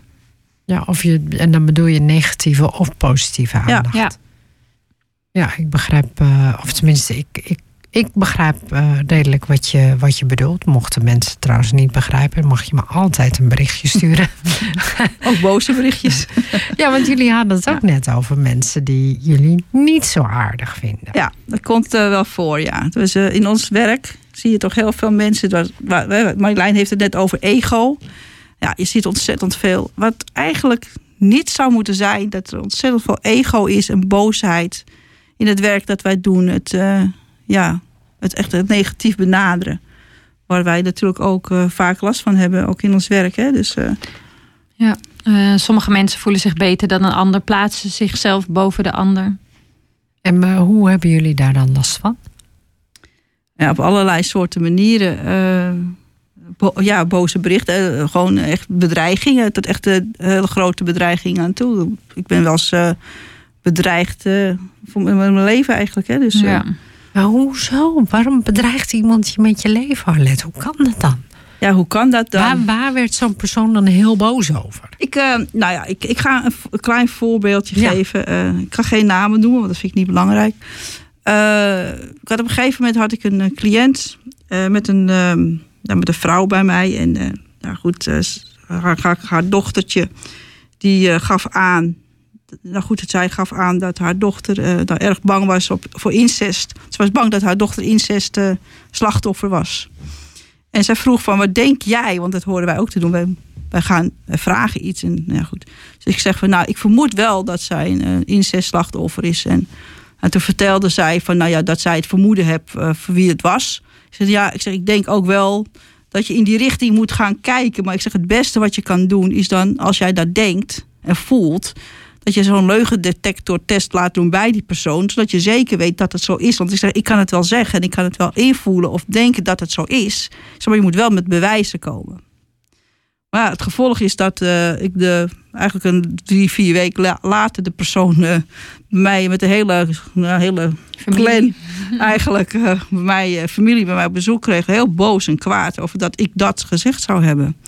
En nou goed, uiteindelijk is deze man wel veroordeeld voor incest. Maar het is wel dat soort dingen. Je krijgt het wel op je dak. Een bedreigingen. En, dat je dat zulke uitspraken geeft. Ja, ik ben er nog wel voorzichtig mee. Maar toch probeer je dan in een bepaalde hoek te drijven. En zeg van ja, jij hebt gezegd, maar jij doet en jij zegt dat. Maar Weet je Eh, wat ik, wat ik dan interessant vind aan zoiets? Hè? Dus iemand, dus jij zegt iets en je zegt van dat moet, dat moet nog wel eh, bewezen worden. Ja, En die persoon wordt op dat moment woedend. woedend op jou. Ja. Waarom zou je eigenlijk woedend worden als het niet zo zou zijn? Ja, het Exact. is, ja, exact. Dat, is, dat was eigenlijk wel voor mij een soort schuldbekentenis. Maar goed, dat weet je natuurlijk nooit. Je moet er ontzettend voorzichtig mee zijn. Waar je, we komen ook echt heel veel mensen tegen met ontzettend veel problematiek. Die ook hun hart uitstorten van wat er thuis afspeelt, wat er gebeurt. En dan ge- geef ik mijn visie op eh, van wat ik, wat ik zie, wat ik voel, wat ik denk, eh, wat ik binnenkrijg van mijn spirits en eh, hoe, hoe, ja, hoe je dat doet. En toch ook wel eh, in acht nemend wat eh soort psychiatrische zorg denk. Want we hebben alle twee een psychische, eh, psychiatrische opleiding achter de rug ook. Zeg maar, de psychopathologie hebben we erbij gedaan. om dat toch wel een beetje te professioneel te kunnen aanpakken. Eh, dat we niet zomaar iets zeggen. En dat we ook weten in welke hoek we moeten gaan zoeken. Als, als, ja, als we met mensen moeten spreken of praten op een professionele manier. Hè. Maar ja, eh, wij doen het dan wel op een spirituele manier. Wij geven geen kwartier de tijd of een uur de tijd. Wij geven echt, soms zijn we wel drie uur met een persoon bezig. Om iemand weer op, op de rit te krijgen. Hè. Dus eh, wat we heel veel krijgen bijvoorbeeld zijn mensen die eh, zelfmoord willen plegen. En die echt een einde raad zijn. En ja, goed, dan komt zo'n persoon binnen met een moeder. Oh ja. Moeder woedend. woedend dat ik dat wel niet denk. Want dat ik dat wel zou kunnen doen. Wat de psychiatrische zorg niet zou kunnen doen. Dan word je Maar- uitgemaakt voor kwakzalver. kwakzalvers, noem maar op. En uiteindelijk eh, is deze man helemaal gelukkig de deur uitgegaan. En hij heeft nooit zelfmoord gepleegd. Nou, zulke dingen, kijk, dat kom je ook tegen. Eh, dat zijn ook de beschuldigingen. Maar ja, wij komen inderdaad ook heel veel psychische problematiek tegen. En inderdaad ook mensen die ook zelfmoord willen plegen. Ehm, en dan blijken ze gewoon iets heel anders te hebben. En wij kijken dan ook eh, naar bezetenheid. Hè? Dus mensen kunnen dus ook eh, slechte entiteiten opgelopen hebben of demonen die wij dan eh, verwijderen. Ja, maar nog even, want daar wil ik zo nog wel even op ingaan. Ja. Want je zei, je zei van, dan praat ik met mijn spirits. Ja, dat noemen wij dat. Wa- wie zijn dat dan? Dat zijn mijn gidsen en alles wat, wat, wat ja, mijn gidsen, ja, laat ik het zo zeggen. We praten ook met, met, met, ja, met alles. eh, eh, ons gevoel of onze intuïtie is zo sterk dat we er eigenlijk mee kunnen communiceren wat, wat, wat energie heeft. Maar, Ik dat, hoe, eh, hoe ken jij dan jouw spirits? Ja, hoe ken ik ze? Ja, Het is sowieso belangrijk om eerst jezelf goed te kennen. Ja. Zodat je weet hè, waar bepaalde gedachten vandaan komen natuurlijk. Ja, en, hoe, be- hoe bedoel je dat? Zeg dat nog eens. Je moet jezelf goed leren kennen, zodat je weet waar je gedachten vandaan komen. Eh, ja, eh, soms hoor je dingen in je hoofd. Hè? Dat kunnen natuurlijk je eigen gedachten zijn. Maar het kan ook eh, het antwoord zijn van je gidsen. Aha, want iedereen heeft gidsen. Iedereen heeft gidsen. als het goed is wel, ja. Kunnen we ook een heel verhaal Ja. over vertellen. Vertel eens dan, ik ben wel benieuwd. Ehm, nou, iedereen heeft een gids eh, bij geboorte. Eh, alleen de ene kan het wel horen of niet. Het zijn onze begeleiders eh, die ons ons hele leven bijstaan. Eh, wij zien gidsen niet als opa en oma's. Dat zijn dus overledenen die wel kunnen communiceren over ons een beetje. Maar gidsen zijn echt begeleiders die zeg maar, van, een hogere, zeg maar, van een hoger regime zijn. die dan jou helpen, zeker om ons werk te kunnen doen. En ons begeleiden, zeggen ook wat we moeten doen en hoe we het moeten doen. En ehm, ja, dat, dat is onze, onze levenssteun. Ik denk dat je het Maar zo heb jij dan zeggen. elke dag contact met jouw Iedere dag, dag en nacht. De hele dag door. En de nacht er ook bij. ja. ik ben eigenlijk nooit eh, vrij van, van eh, dit soort. eh, als ik er echt om vraag en ik, ik luister naar mijn spirits, zo noemen wij dat dan. dan hoor ik ze eigenlijk altijd wel, ja. En, Maar voordat je naar de Verenigde Staten ging, had ik dat ook. had je dat. Ja, hoor. en, en, en Marjolein, had jij dat dan ook? Eh, ja. Eh, Maar of is dat dat je dat achteraf nu ja zegt? Wist je dat toen ook? Nou, als kind zijnde wist ik dat. Zag ik eh, dingen, hoorde ik dingen die een ander niet zag. En eh, nou ja, daar wordt dan op een gegeven moment gezegd dat dat kan niet, dat is niet zo. En eh, je, ja, je wordt uitgelachen. Nou ja, dan, dan hè, wordt dat minder en minder. En op een gegeven moment, een beetje rond mijn twintigste levensjaar, begon dat eh, ja, weer langzaam te groeien. En eh, op een gegeven moment dacht ik, nou, ik word toch niet gek? Of eh, dat fantaseer ik toch niet? En steeds meer bleken dingen te kloppen. Dat ook overleden mensen dingen aan mij vroegen te doen of door te geven aan andere personen. En dan deed ik dat uiteindelijk maar. En dan bleek alles te kloppen wat ze zeiden. En ja, dan kom je op een gegeven moment erachter van hé, Eh, hè, ik ben niet gek. Of ik verzin dit niet. Het ben ik zo. dat of, ben, of is het iets anders? Ja. Maar is het dan niet zo dat je dan een medium bent? Nou, dat zijn we eigenlijk ook wel een Eigenlijk beetje. wel. Eh, ja. ik noem het zelf niet zo. Maar eh, eigenlijk wel, ja. Het- eh, ik denk dat het grootste verschil tussen een medium en een, en een shamaan is in dit stuk, is dat wij horen iets en dan gaan we kijken wat we eraan kunnen doen. Als jij dus een vraagstelling hebt, dan stel je die vraag en dan zeggen we ja, en dat kan je eraan doen. En een medium die zegt, nou, ik hoor dit, maar zal niet het antwoord geven wat je er eventueel aan zou kunnen doen om dingen te kunnen veranderen. Maar die geeft alleen maar een soort boodschap door. Die geeft een boodschap, dus eigenlijk is het een boodschap Ja. en wij gaan dan even een stapje verder. Alles zeg maar van begin tot eind. Hè, je gaat bijvoorbeeld je gaat naar de, de huisarts of je, hè, je wil een eh, diagnose hebben. En eh, je, wordt weer doorverwezen. Nou, bij ons is het zo van oké, eh, wij zien eh, wat de situatie is. En eh, dan gaan we er ook nog eens wat aan doen. Akkoord. Ja. Laten, we, laten we weer. ehm eh, de- het is wel bijzonder. Laten we zo weer na de muziek weer, weer doorgaan. Want we zijn zo weer eh 25 minuten verder. Het gaat echt super, super snel. Ehm, ik, heb, eh, ik heb een muziekje van Hunter eh, van Sandra van Nieuwland. En Sandra had ik een paar weken geleden hier op, eh, op bezoek. En toen hebben we het heel extensief gehad over de liefde. En natuurlijk over haar eh, nieuwe nummer, die ik nu niet bij me heb, maar ik heb wel een. Dus dat nummer Hunter eh, van haar. Super eh, mooi, eh, mooi nummer.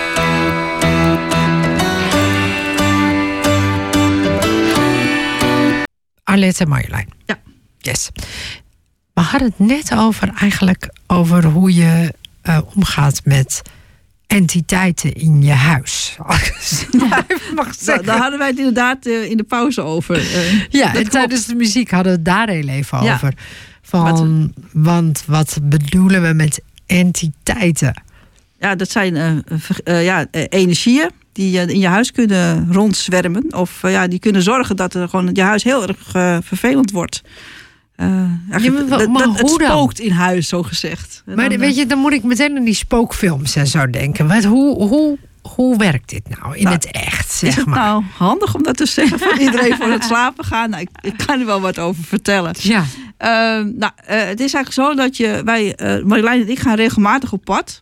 Midden in de nacht. midden in de nacht, vooral s'nachts, worden we wel eens gebeld uit bed. En dan, eh, dan blijkt het dan dat, het, dat, ja, dat, eh, dat, dat ze dingen zien in huis. Of dat er ja, eh, dingen bewegen, bedden bewegen, eh, gordijnen. Niet door de wind bewegen, maar ja, allerlei soorten ja, Windvlagen dingen. door het huis gaan. Windvlagen, dat- dat mensen het eens koud krijgen. Dat echt, nou ja, gewoon echt als een huis spookt. Eh, en ook soms nog wel eens de heftige de, de dingen bewegen. Nou, Ja, zwarte schim op de muur. Ja, en dan worden we gebeld. En dan moesten we, moeten we dan eh, pakken we onze tassen in met salie en eh, ratels en trommels. En dan gaan we op pad. En dan eh, kan het aan de andere kant van Nederland zijn, kan overal zijn. En dan gaan we het huis in en dan gaan we, ja, zeg de slechte energieën gaan we weghalen. Ja, er zijn ook vele vormen natuurlijk daarvan, maar laten we het even houden op de simpele vorm. Of de overledenen die dan blijven hangen. En dan spookt het in huis. En dan verwijderen wij eigenlijk de, ja, de negatieve energieën die op dat moment in huis eh weer verkeert. Of we brengen mensen naar het licht. Kan ook. Overleden die onrustig zijn, eh, brengen we dan eh, dus weg. En, eh, of tenminste zorgen we dat dat uit het huis komt. En is het huis schoon. En dan kunnen de mensen weer goed slapen. maar hoe maar maak je dan contact daarmee? Ja, ik, ik maak eh, contact met eh, deze spirits. En ik, ga, ik vraag altijd van, eh, wat doen jullie hier? Wat is de reden daarvan? Dat jullie hier zitten. Ja, en dan krijg Misschien je... is het wel leuk om te vertellen over dat huis in Engeland waar je bent geweest. Oh ja, ik ben ooit eens een keer in, Het huis in Engeland, ja. ik ben ooit eens een keer in een huis in Engeland geweest. Ik zal niet zeggen waar en hoe, want dat heb ik beloofd dat nooit echt naar voren te brengen. Eh, nou, het was een huis dat, dat spookte. Iedereen was daar geweest. En eh, ik, ik kon daar een heel leuk bedrag verdienen als ik daar naar binnen zou gaan. Eh, als ik dan de spoken weg zou halen. Ik zeg, nou, dat vond ik wel een hele leuke uitdaging. Ik hou ook nog wel eens van uitdaging. ik, ben er naartoe gegaan, in mijn eentje in dat huis gaan zitten. En inderdaad, op een gegeven moment begonnen de deuren te slaan. En mijn stoel begon te bewegen. En ja. En toen ben ik contact gaan zoeken met die, met die spirit die daar zit. Of dan noemen wij noemen dat spirits, hè. En ik zeg, wat doe jij? Wat, wat, wat, wat, wat is de reden dat je dat doet? Hij zegt, ja, je zit in mijn huis. Ik zeg, oké, nou ja, ik zeg, het is niet meer jouw huis, want je bent overleden. En diegene die geloofde dat dus niet, dus tegen de overleden. Hij zegt, nee. En ik heb het dus op een bepaalde manier, heb ik hem toch te weten te overtuigen. eh, dat hij eh, nou ja, overleden was. En eh, nou, toen heb ik hem eigenlijk eh, weggebracht eh, naar de plek waar hij hoort te zijn. En eh, het huis was schoon en ik, eh, ja, ik was een bedrag rijker, zo gezegd. maar dat was een heel mooi verhaal eigenlijk. En eh, ja, dat soort dingen doen we eigenlijk nog steeds. En Marjolein doet het ook heel vaak. Hè. Dus ik heb dat mogen leren aan haar. En, ja, en soms hebben mensen poorten in huis. Die kunnen gekste dingen vind je in huis. Dus voorteksten noemen ze dat. En ja, die moet je dan gaan sluiten. Negatieve energieën die je dan weghaalt. Eh, meubels die bijvoorbeeld eh, slecht zijn. Voorwerpen die bijvoorbeeld behekst zijn of bezworen. Oh, ja. Eh, we hebben te maken met vloeken. Dat mensen zijn vervloekt. En dat op zo'n erge manier zijn dat ze echt alles alleen maar pech hebben in het leven. En dat het echt ja, ook boze geesten meeneemt. Ja. Maar als je het dus kan weghalen, kun jij het dan ook zelf doen? ja, ik kan het ook alles. wat- Ja, Ze zegt gewoon ja. ja. Ze ik- zegt gewoon ja. Ja, ik, ik ben gewoon eerlijk. Alles wat. Kijk, je hebt witte magie en je hebt zwarte magie. En ehm, wij doen natuurlijk de witte magie, laat ik het dan over zeggen. Maar alles wat wit is, kan je, alles wat je voor het goede gebruikt, kun je natuurlijk ook voor het slechte gebruiken. Alleen, ja, daar worden wij heel zwaar voor gestraft als we dat doen. Eh, wij, wij hebben daar ook eh, specifiek eh, onze geloftes voor afgelegd. Hè. Wij, tekenen ons, wij tekenen in bloed, letterlijk en figuurlijk, omdat je het juiste dingen voor de mensen doet. En niet en we moeten gewoon zuiver blijven. We moeten zuiver blijven. We blijven ook heel zuiver. Eh, we, mogen, we doen ook bepaalde dingen ook echt niet. Zoals wat doe je niet? Wij drinken geen alcohol. Wij roken niet. Eh, wij doen helemaal geen eh, stoute dingen We eigenlijk. zijn eigenlijk heel braaf We geworden. zijn hè? heel straat. Heel saai eigenlijk. Ja, jij bent heel saai. Jij bent heel braaf geworden. Ja, Voor mij doen. ja voor jou doen wel, ja. Ja. En eh, ja, eh, we, zijn heel, wij leven eigenlijk heel braaf. En, eh, ja, en we, doen geen, we, doen, we zijn echt nooit bezig met andere, ja, zeg maar andere stromingen. Niet met, met duistere dingen. Nee. Eh, zelf. We houden ons niet mee bezig, maar we zijn er wel mee bezig. Dus om dat weg te halen. Dus mensen kunnen ook eh, naar ons toe komen. eh, als we het hebben over voodoo. Over Oh ja, ja. zeker met heel veel culturen tegenwoordig Ja. heb je ontzettend veel stromingen met allerlei problematiek. Hè? We Ja. hebben over bakroes van de, van Ja. de Surinaamse ri- richting. de. Voodoo, Winti, eh, waar, waar we het veel mee te maken hebben. Wat, Met- wat, wat zijn bakroes? Dat zijn eh, hele kleine energie. eh, Kleine dwerggeesten zou ik Ja. het willen noemen. En vooralsnog gaan mensen daar echt voor naar Suriname om het weg te laten halen. Het kost heel veel geld, maar het kan ook gewoon hier in Nederland. ja, en wij doen het eigenlijk beide voor niks. Ja, als je het zo vergelijkt wel. Ja, ja. Het is, wij, wij vinden gewoon dat mensen gewoon altijd geholpen moeten kunnen worden. En dat hoeft ook niet veel geld te worden. Er wordt zoveel geld gevraagd voor dit soort dingen. Het is zo triest. En eh, ja, echt duizenden euro's worden gevraagd om deze eh, zielige mensen te helpen. Ja. Sommigen zijn echt al 15.000 Ja. euro kwijtgeraakt aan allerlei helers waar ze zijn Serieus? geweest. Ja, het is echt, we komen dat echt tegen. En allerlei dingen. Dan komen ze binnen en dan zeggen ja, we gaan 15. eh, of alleen een intakegesprek zijn ze al 1000 euro kwijt. Oh, wauw. Ja, dit Maar- is echt heel schandalig. Ja. Maar, als je, maar nu nog even weer terug. Hè? Dus als je dus zeg maar, want jullie hebben het over witte magie en zwarte magie. hè, En dat Ja. jullie daar niks mee mogen doen. Maar als ik nu heel even weer terug mag komen op de liefde. ja. Stel je voor, je bent verliefd op iemand en die is niet verliefd op jou. Nee hoor, we gaan geen liefdesdrankje doen. Of, Nee, eh, precies. nee hoor. Nee, dat soort. Maar je zou het wel kunnen. Nou, wat we wel veel krijgen zijn mensen die eh, dan binnenkomen. Het is wel heel grappig. Die zeggen van, kan jij vertellen wie er op mijn pad gaat komen? Nou, En eh, ja, dan, ga je, dan sta je dan en denk je, ja, zal ik het nou wel of niet zeggen? Want het leven moet ook een beetje verrassing zijn. Nou, heel soms vertel ik het wel en dan komt er wel iemand. En dan, eh, dan krijg ik dan wel een hele mooie brief terug. Van, oh, ik heb nou iemand ontmoet, dankjewel dat je het verteld hebt. En eh, maar wacht, je, jij ziet dat wel. ja, ik... ik eh, Zij heeft mijn man aan mij voorspeld. ik heb daar heel lang op moeten wachten. Ja. Maar alles wat zij dus zei, wat, eh, hè, wat op mijn pad zou komen, dat kwam. En sinds een half jaar zijn we getrouwd. Wat leuk, gefeliciteerd nog. Ja, dank je. Maar, de, maar, maar Arlette zegt Ja. dan van... Goh, weet je, je, jij gaat nog die en die persoon ontmoeten. Ja, dat, dat, dat, dat zie ik dan. En, of niet, hè. Maar ik zie ook wel eens niet. En dan, dat, dat was heel moeilijk. En dan wil je eigenlijk het goede nieuws vertellen. Maar, of het slechte nieuws. Maar ja, je moet het ook wel zacht brengen. Want Vooral als het negatief is. ja, ja kijk, ehm, als ik dan iets zie, denk ik, oh, dan, dan zie ik iets. En dan denk ik van, oh, ga ik dat nou wel vertellen? Van, die gaat echt nooit iemand ontmoeten. Want dat kom je natuurlijk ook tegen. Serieus? Wat Ja. zielig. Ja, het is Ja. echt heel zielig. En dan denk ik, ja, Ik zeg, "K- krijg ik nog iemand op mijn pad? En dan, ja, wat moet je zeggen dan op dat moment? Ik zeg, eh, ik- ja, Ja, hoe lul je eruit? dan, dan moet ik me echt op een bepaalde manier eruit praten. En dan zeg ik, ja, ik zeg, ja, ja. En soms ben ik ook wel eens eerlijk. En dan zeg ik, nou, ik denk dat het niet voor jou weggelegd is. En dan, ja, dan, ja, ja. Ik zeg, wil je echt de waarheid weten? Zeg ik dan ook wel eens, ja, ja, ja. Zeg, ik kan ook vervelende dingen horen. Ja, ja goed, en dan moet je het wel vertellen. Maar ja, eh, ik vertel het liefst het mooie nieuws. En ik draai er dan heel erg omheen. Daar ben ik heel eerlijk in. Ik vertel dan niet helemaal rechtstreeks wat er aan de hand is. Want ja, je moet ook wel voorzichtig zijn als je mensen iets vertelt. hoor, Want als het kan ook wel heel hard overkomen. En ze kunnen in een depressie raken Ja. natuurlijk. Hè? Vooral als, je, als ze graag iemand willen ontmoeten. Ja. En, eh, en dat gaat. Ja, en, maar denk je niet ook dat ze dan. Als je zegt je gaat niet iemand ontmoeten, dat dat, dat ook een soort wishful thinking wordt? Daarom zeg ik het ook niet. Anders ga je inderdaad... Daarom in- houden we ook helemaal niet van toekomstvoorspellingen Nee, en zo. Ik, ik ben er niet- geen voorstander van. Het liefst eh, geen, geen toekomst. Dat geef ik altijd wel aan.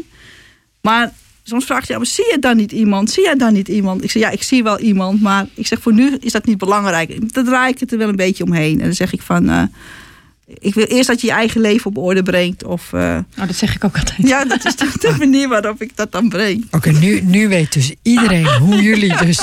Als jullie, als jullie dus zeggen van je, je kunt. Je, er zit niemand voor je in het verschiet, dan is dit dus. Nee, nee, nee. Nou, ik moet er een ander scenario Ja. verzinnen. Ja, ja, nu moet je echt een ander, eh, ander scenario verzinnen. Ander script. En het is wel, ja, nee, maar het is wel heel interessant. Ik vind het leuk om, eh, om, eh, om te horen hoe jullie, eh, hoe jullie ermee omgaan en hoe verschillend dat ook eh, voor jullie is. Ja, het is ook echt ons dagelijkse leven. Ons hè? leven geworden, ja. Ja, we doen het ook echt eh, dag en nacht. Eh, ik, ik, ik, ik begin s'morgens eigenlijk eh, echt te werken om tien uur. Hè, dus, eh, 's nou, morgens we zijn om vol- half negen al, zijn we al bezig. Zijn, we hebben dus, eh, ze hebben onze eigen praktijk om half negen. En Maar ik waar sluit de deur begin om je? elf uur s'avonds. Dat is, Maar eh, waar, waar begin je dan aan? ja, S ochtends vroeg. Hoe, hoe. Wat doe je dan s ochtends? wat doen wij s'morgens? Eerst, eh, ik begin eerst, eh, ja goed, mijn, eh, ja, ik, ik, ik, ik geef natuurlijk ook les in het shamanisme. Vaak, Maar we beginnen eerst soms, althans Met de- vanochtend zijn begonnen met, eh, kreeg ik Lakota les. Zo Ja. zijn we ja, begonnen vanochtend. krijgt zij les in het Lakota. Dus we hebben ook de wel taal eens- te leren. Ja, ik, eh, ik leer Marjolein een beetje de taal. En ehm, nee, ik ga niet in het Lakota spreken.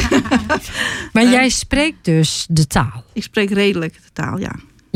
En dat heb je daar geleerd. Onder andere, ja. Ik ook hier. Ik heb een hele fijne leraar hier in Nederland of in Duitsland ontmoet. Eh, die ik dus, eh, nou ja, goed, die mij ook echt de, de finesse leert van het Lakota eigenlijk. En het lesgeven daarin. En het lesgeven vooral daarin. eh, hoe ik daar, Maar, ja, maar waarom wil je die taal leren? dat het gewoon een prachtige taal is. Oké. Dus eh, het is ook het hart van, van, van het eh, shamanisme, denk ik ook wel. En, en wat is dan precies, wat bedoel je dan met het is een prachtige taal? Hoe bedoel je dat dan? je gaat heel langzaam er naartoe, hè? Ja, precies. Ik moet, ik moet Ik toch echt weten wat. waar- ja, precies. Ja. Ik moet toch wel. Ik, ik wil het eigenlijk best wel horen, eigenlijk. Dus dat ik weet wat, hoe de taal klinkt. Nou, wat zal ik zeggen? Ja, ik, ik vind het altijd moeilijk. eh. Zeg eens, ik hou van jou. nee, dat ga ik dus echt niet Nou, zeggen. Ja, vooral, eh, Nee, nee, nee. eh, Ik, eh, wat ik wel... eh, ik, ik ga gewoon zeggen van... eh, gewoon de namen gewoon zeggen. Ja? Emanciapi. Oh ja, Ja? Oké. zeggen. Alet Emanciapi. dus dan zeg jij, ik heet Arlet. Ja, exact. Ja. Dat zeg ik. Of eh, als we dag zeggen, zeggen we Toxa Ake. Oké. En eh, wij zeggen dus nooit, eh, of ze zeggen dan nooit regelrecht van tot ziens of zo. Of goedendag, dat zeggen ze niet. Dus dat, want ja, dat, dat, dat vinden ze. Ja, ze hebben een hele aparte manier van praten eigenlijk. Ja. En, en als je echt heel veel over het Lakota wil weten, dan kan je het best eh, contact opnemen met David Little Elk. Dat is, is mijn tutor die eh, mij echt het Lakota, de finesse echt eh, ervan van leert. Op YouTube kan je allerlei filmpjes Ja. van hem vinden waar Ja. hij ook eh, mini-taallessen geeft. Oh ja, oké. In, in dus de Lakota eh, De taal. Lakota taal, ja. Ja. Ja, hij komt ook zelf echt. Hij is ook echt een, eh, een eh, echt, echte bewoner van, eh, van, zeg maar, van zo'n reservaat. zeg maar. Ja. Dus hij kan echt de taal zo vloeiend spreken. En En, en dat is wel mooi hoor. Dat, maar waarom wilde je het leren? Waarom wil je het leren? Wil, willen jullie het leren? Omdat het uh, een taal van het hart is. Uh, we hebben het over liefde.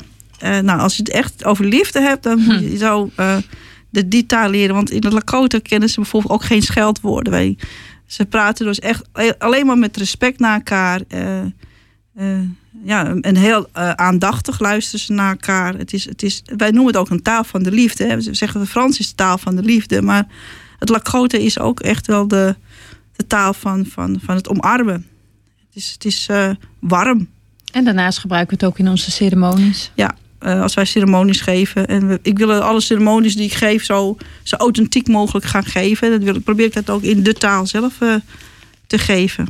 Ik vind het echt wel bijzonder dat dat er dus nu zeg maar twee vrouwen hier voor me zitten die hebben gekozen om dus zeg maar uh, hun werk te maken van uh, ja, mensen te helen en dan ook nog in een uh, um, als medicijnvrouwen in een Noord-Amerikaanse traditie. Ik vind het zo apart, want je moet dan echt wel een soort roeping hebben. Ja, ik denk ook wel echt dat het een roeping is. En eigenlijk van jongs af aan al. Je, je, je, bent, eigenlijk, je bent eigenlijk al wat je bent.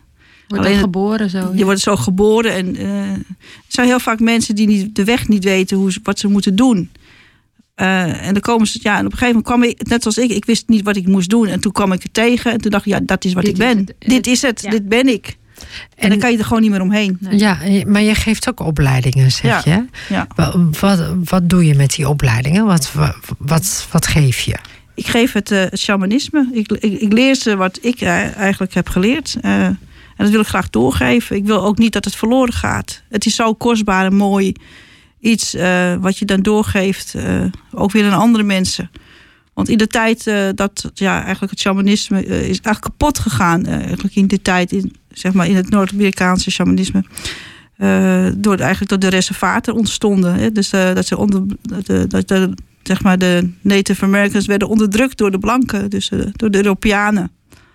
En er zijn heel veel shamanen zijn toen eigenlijk weggeha weg, weggehaald en omgebracht en verbrand en vermoord of in inrichtingen gestopt.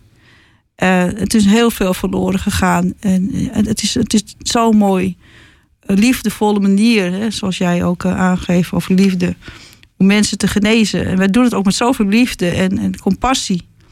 Uh, wij, wij, want als je dit werk doet, moet je ook echt, echt van mensen houden. Je moet echt alles, alles voor mensen over hebben. Want ons eigen leven is in wezen niet, niet echt belangrijk meer. We, we hebben alle twee, zij heeft een gezin. En ja, ze komt eigenlijk bijna heel weinig, eigenlijk heel weinig in de gezin. Ze, ja.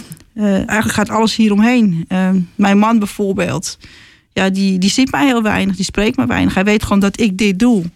En dat accepteert hij ook. Hè? En dat is ook houden van, want hij ziet het en hij, uh, hij accepteert dat gewoon. Dat ik dat doe. En ik geloof jouw man ook wel. Ja, die laat me helemaal vrij en staat achter me. En uh, ja, dat is heel fijn. En er is ook niks anders meer als dit leven. En je wordt ook helemaal opgeslokt in dit leven. Want mensen hebben ontzettend veel hulp nodig. En dat is, de hulpvraag is ontzettend, ontzettend groot. En net wat ik al aangeef, je bent uh, ik begin s morgens om, om 9 uur en ik, en ik sluit s'avonds echt de deur pas om 11 uur en dan ga ik naar huis. Dus het is echt gewoon echt wel een roeping. Uh, dat is dus ja. echt wel duidelijk. Ja, zes of zeven dagen per week. Of zeg zes dagen per week van uh, ja, soms ook zeven. Tien, en soms zeven dagen ja. per week als nodig is, werk ik. En uh, voor mensen die echt heel veel nood hebben. En ook mensen die gewoon afspraak maken. En, en daarnaast ook de studies die ik ook geef. Nou, Marjolein sinds kort en ook studies geven. Want ik kan het gewoon niet meer alleen aan. Ik heb haar ook echt, echt nodig. En uh, ik heb eigenlijk iedereen nodig die dat zou kunnen en willen doen. Want het blijft groeien en groeien. We hebben heel veel leerlingen. Uh, maar ook mensen die gewoon losse workshops bij ons volgen. Ja. En dan, en dan waar, waar gaan die workshops dan over? Medicijnwiel bijvoorbeeld. Ja. Medicijnwiel, uh, transformatie. Daar kan je ook weer een heel aparte yeah. verhaal over vertellen. Maar hoe mensen dus in een, een ander bewustzijnsniveau komen. Uh, wat we doen is echt ook het pure shamanisme, is echt een studie. We geven een kennismaking in het shamanisme. Dus dat de mensen de basisbeginselen of de grondbeginselen leren kennen van het shamanisme. Van wat is een shamaan eigenlijk? Wat doet nou zo'n shamaan? En welke vorm van heling uh, pakken wij dan aan? Dat zijn dan vier, vier, uh, vier lessen, lessen ja. zeg maar, die ze dan krijgen. En vanuit daar kijken wij eh, of hun wel of niet geschikt zijn om überhaupt eh, het shamanisme te volgen. Of, ja, of de andere persoon dat wel of niet vindt. En dan kun je dus ook bijvoorbeeld niet geschikt zijn. Ja. Ja, en dat zeggen wij dan ook. En dat, eh, en dat is niks mis mee, want iedereen heeft zijn eigen pad. Maar dan zien wij heel snel of iemand wel of dat niet ervoor over heeft om, ja, om zoveel tijd en investering te doen. Want je moet echt wel een stukje waanzin hebben om het te kunnen doen. En het hart van de shamaan. En het hart. Het is Ja. eh, de taal van, van, van liefde hebben voor de medemens. En, eh, en alles ervoor over hebben om de mensen te helpen. Echt alles. Echt alles. Je eigen leven is dan niet meer van belang. Belangrijk, ja. Ik begrijp wat je bedoelt. Wat, kijk, want we hebben op zich, we hebben nog niet eens meer zoveel tijd, acht minuten ongeveer. Wat zouden jullie eh, mee willen geven aan mensen in, in deze tijd, maar ook gewoon in het algemeen? Ehm, als, je het, als jullie als twee medicijnvrouwen. Ik zeg van verbind je met de natuur. Ja, dat was wat ik ook En eh, verbind je met moeder aarde. Maak contact met haar. En eh daar zal je verrast van staan wat ze nog voor je kan doen. Dat ze nog steeds de helende kracht heeft. Maar je moet het wel gaan opzoeken.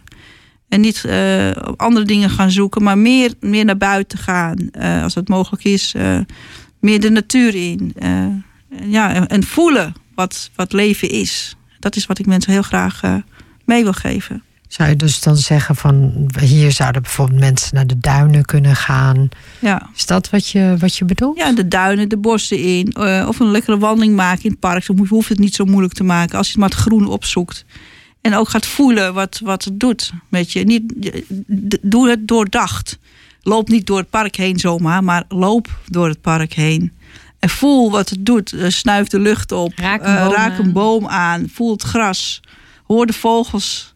Eh, kijk naar de dieren. En maak verbinding met het. Want ja, het is toch eigenlijk waar wij ook uit eh, voortbestaan. En als je die verbinding maakt, dan voel je dat alles één is. Dat jij één bent met die boom, met die vogel in de lucht. Ja, en hoe kunnen we dan nog hè, je plastic papiertje op de grond gooien? Als je Ja. dat gevoeld hebt. Ja, dat is natuurlijk ook zo. Hè? Hoe kun je dan zeg maar nog iets op de grond gooien? Ja. Als je de liefde voor de aarde en de grond hebt. Ja, ik vind sowieso al, weet je, hoe kun je eh, dieren plastic geven? Of ehm, ja, dat, dat vind ik ook al ongelooflijk. Dat je.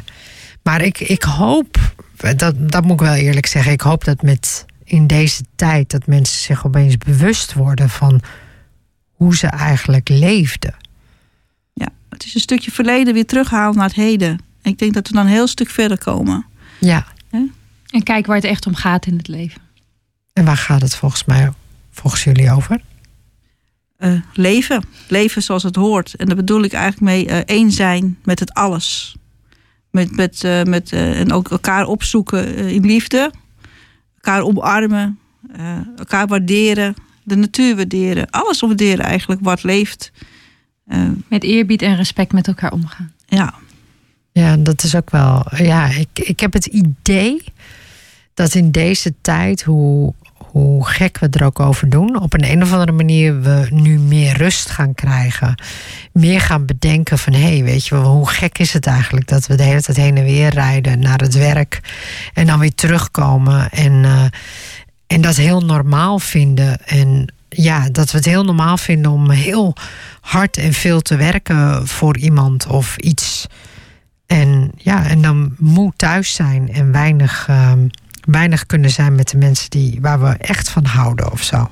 Ja. Het, is, het, is, het is eigenlijk een hele gekke maatschappij.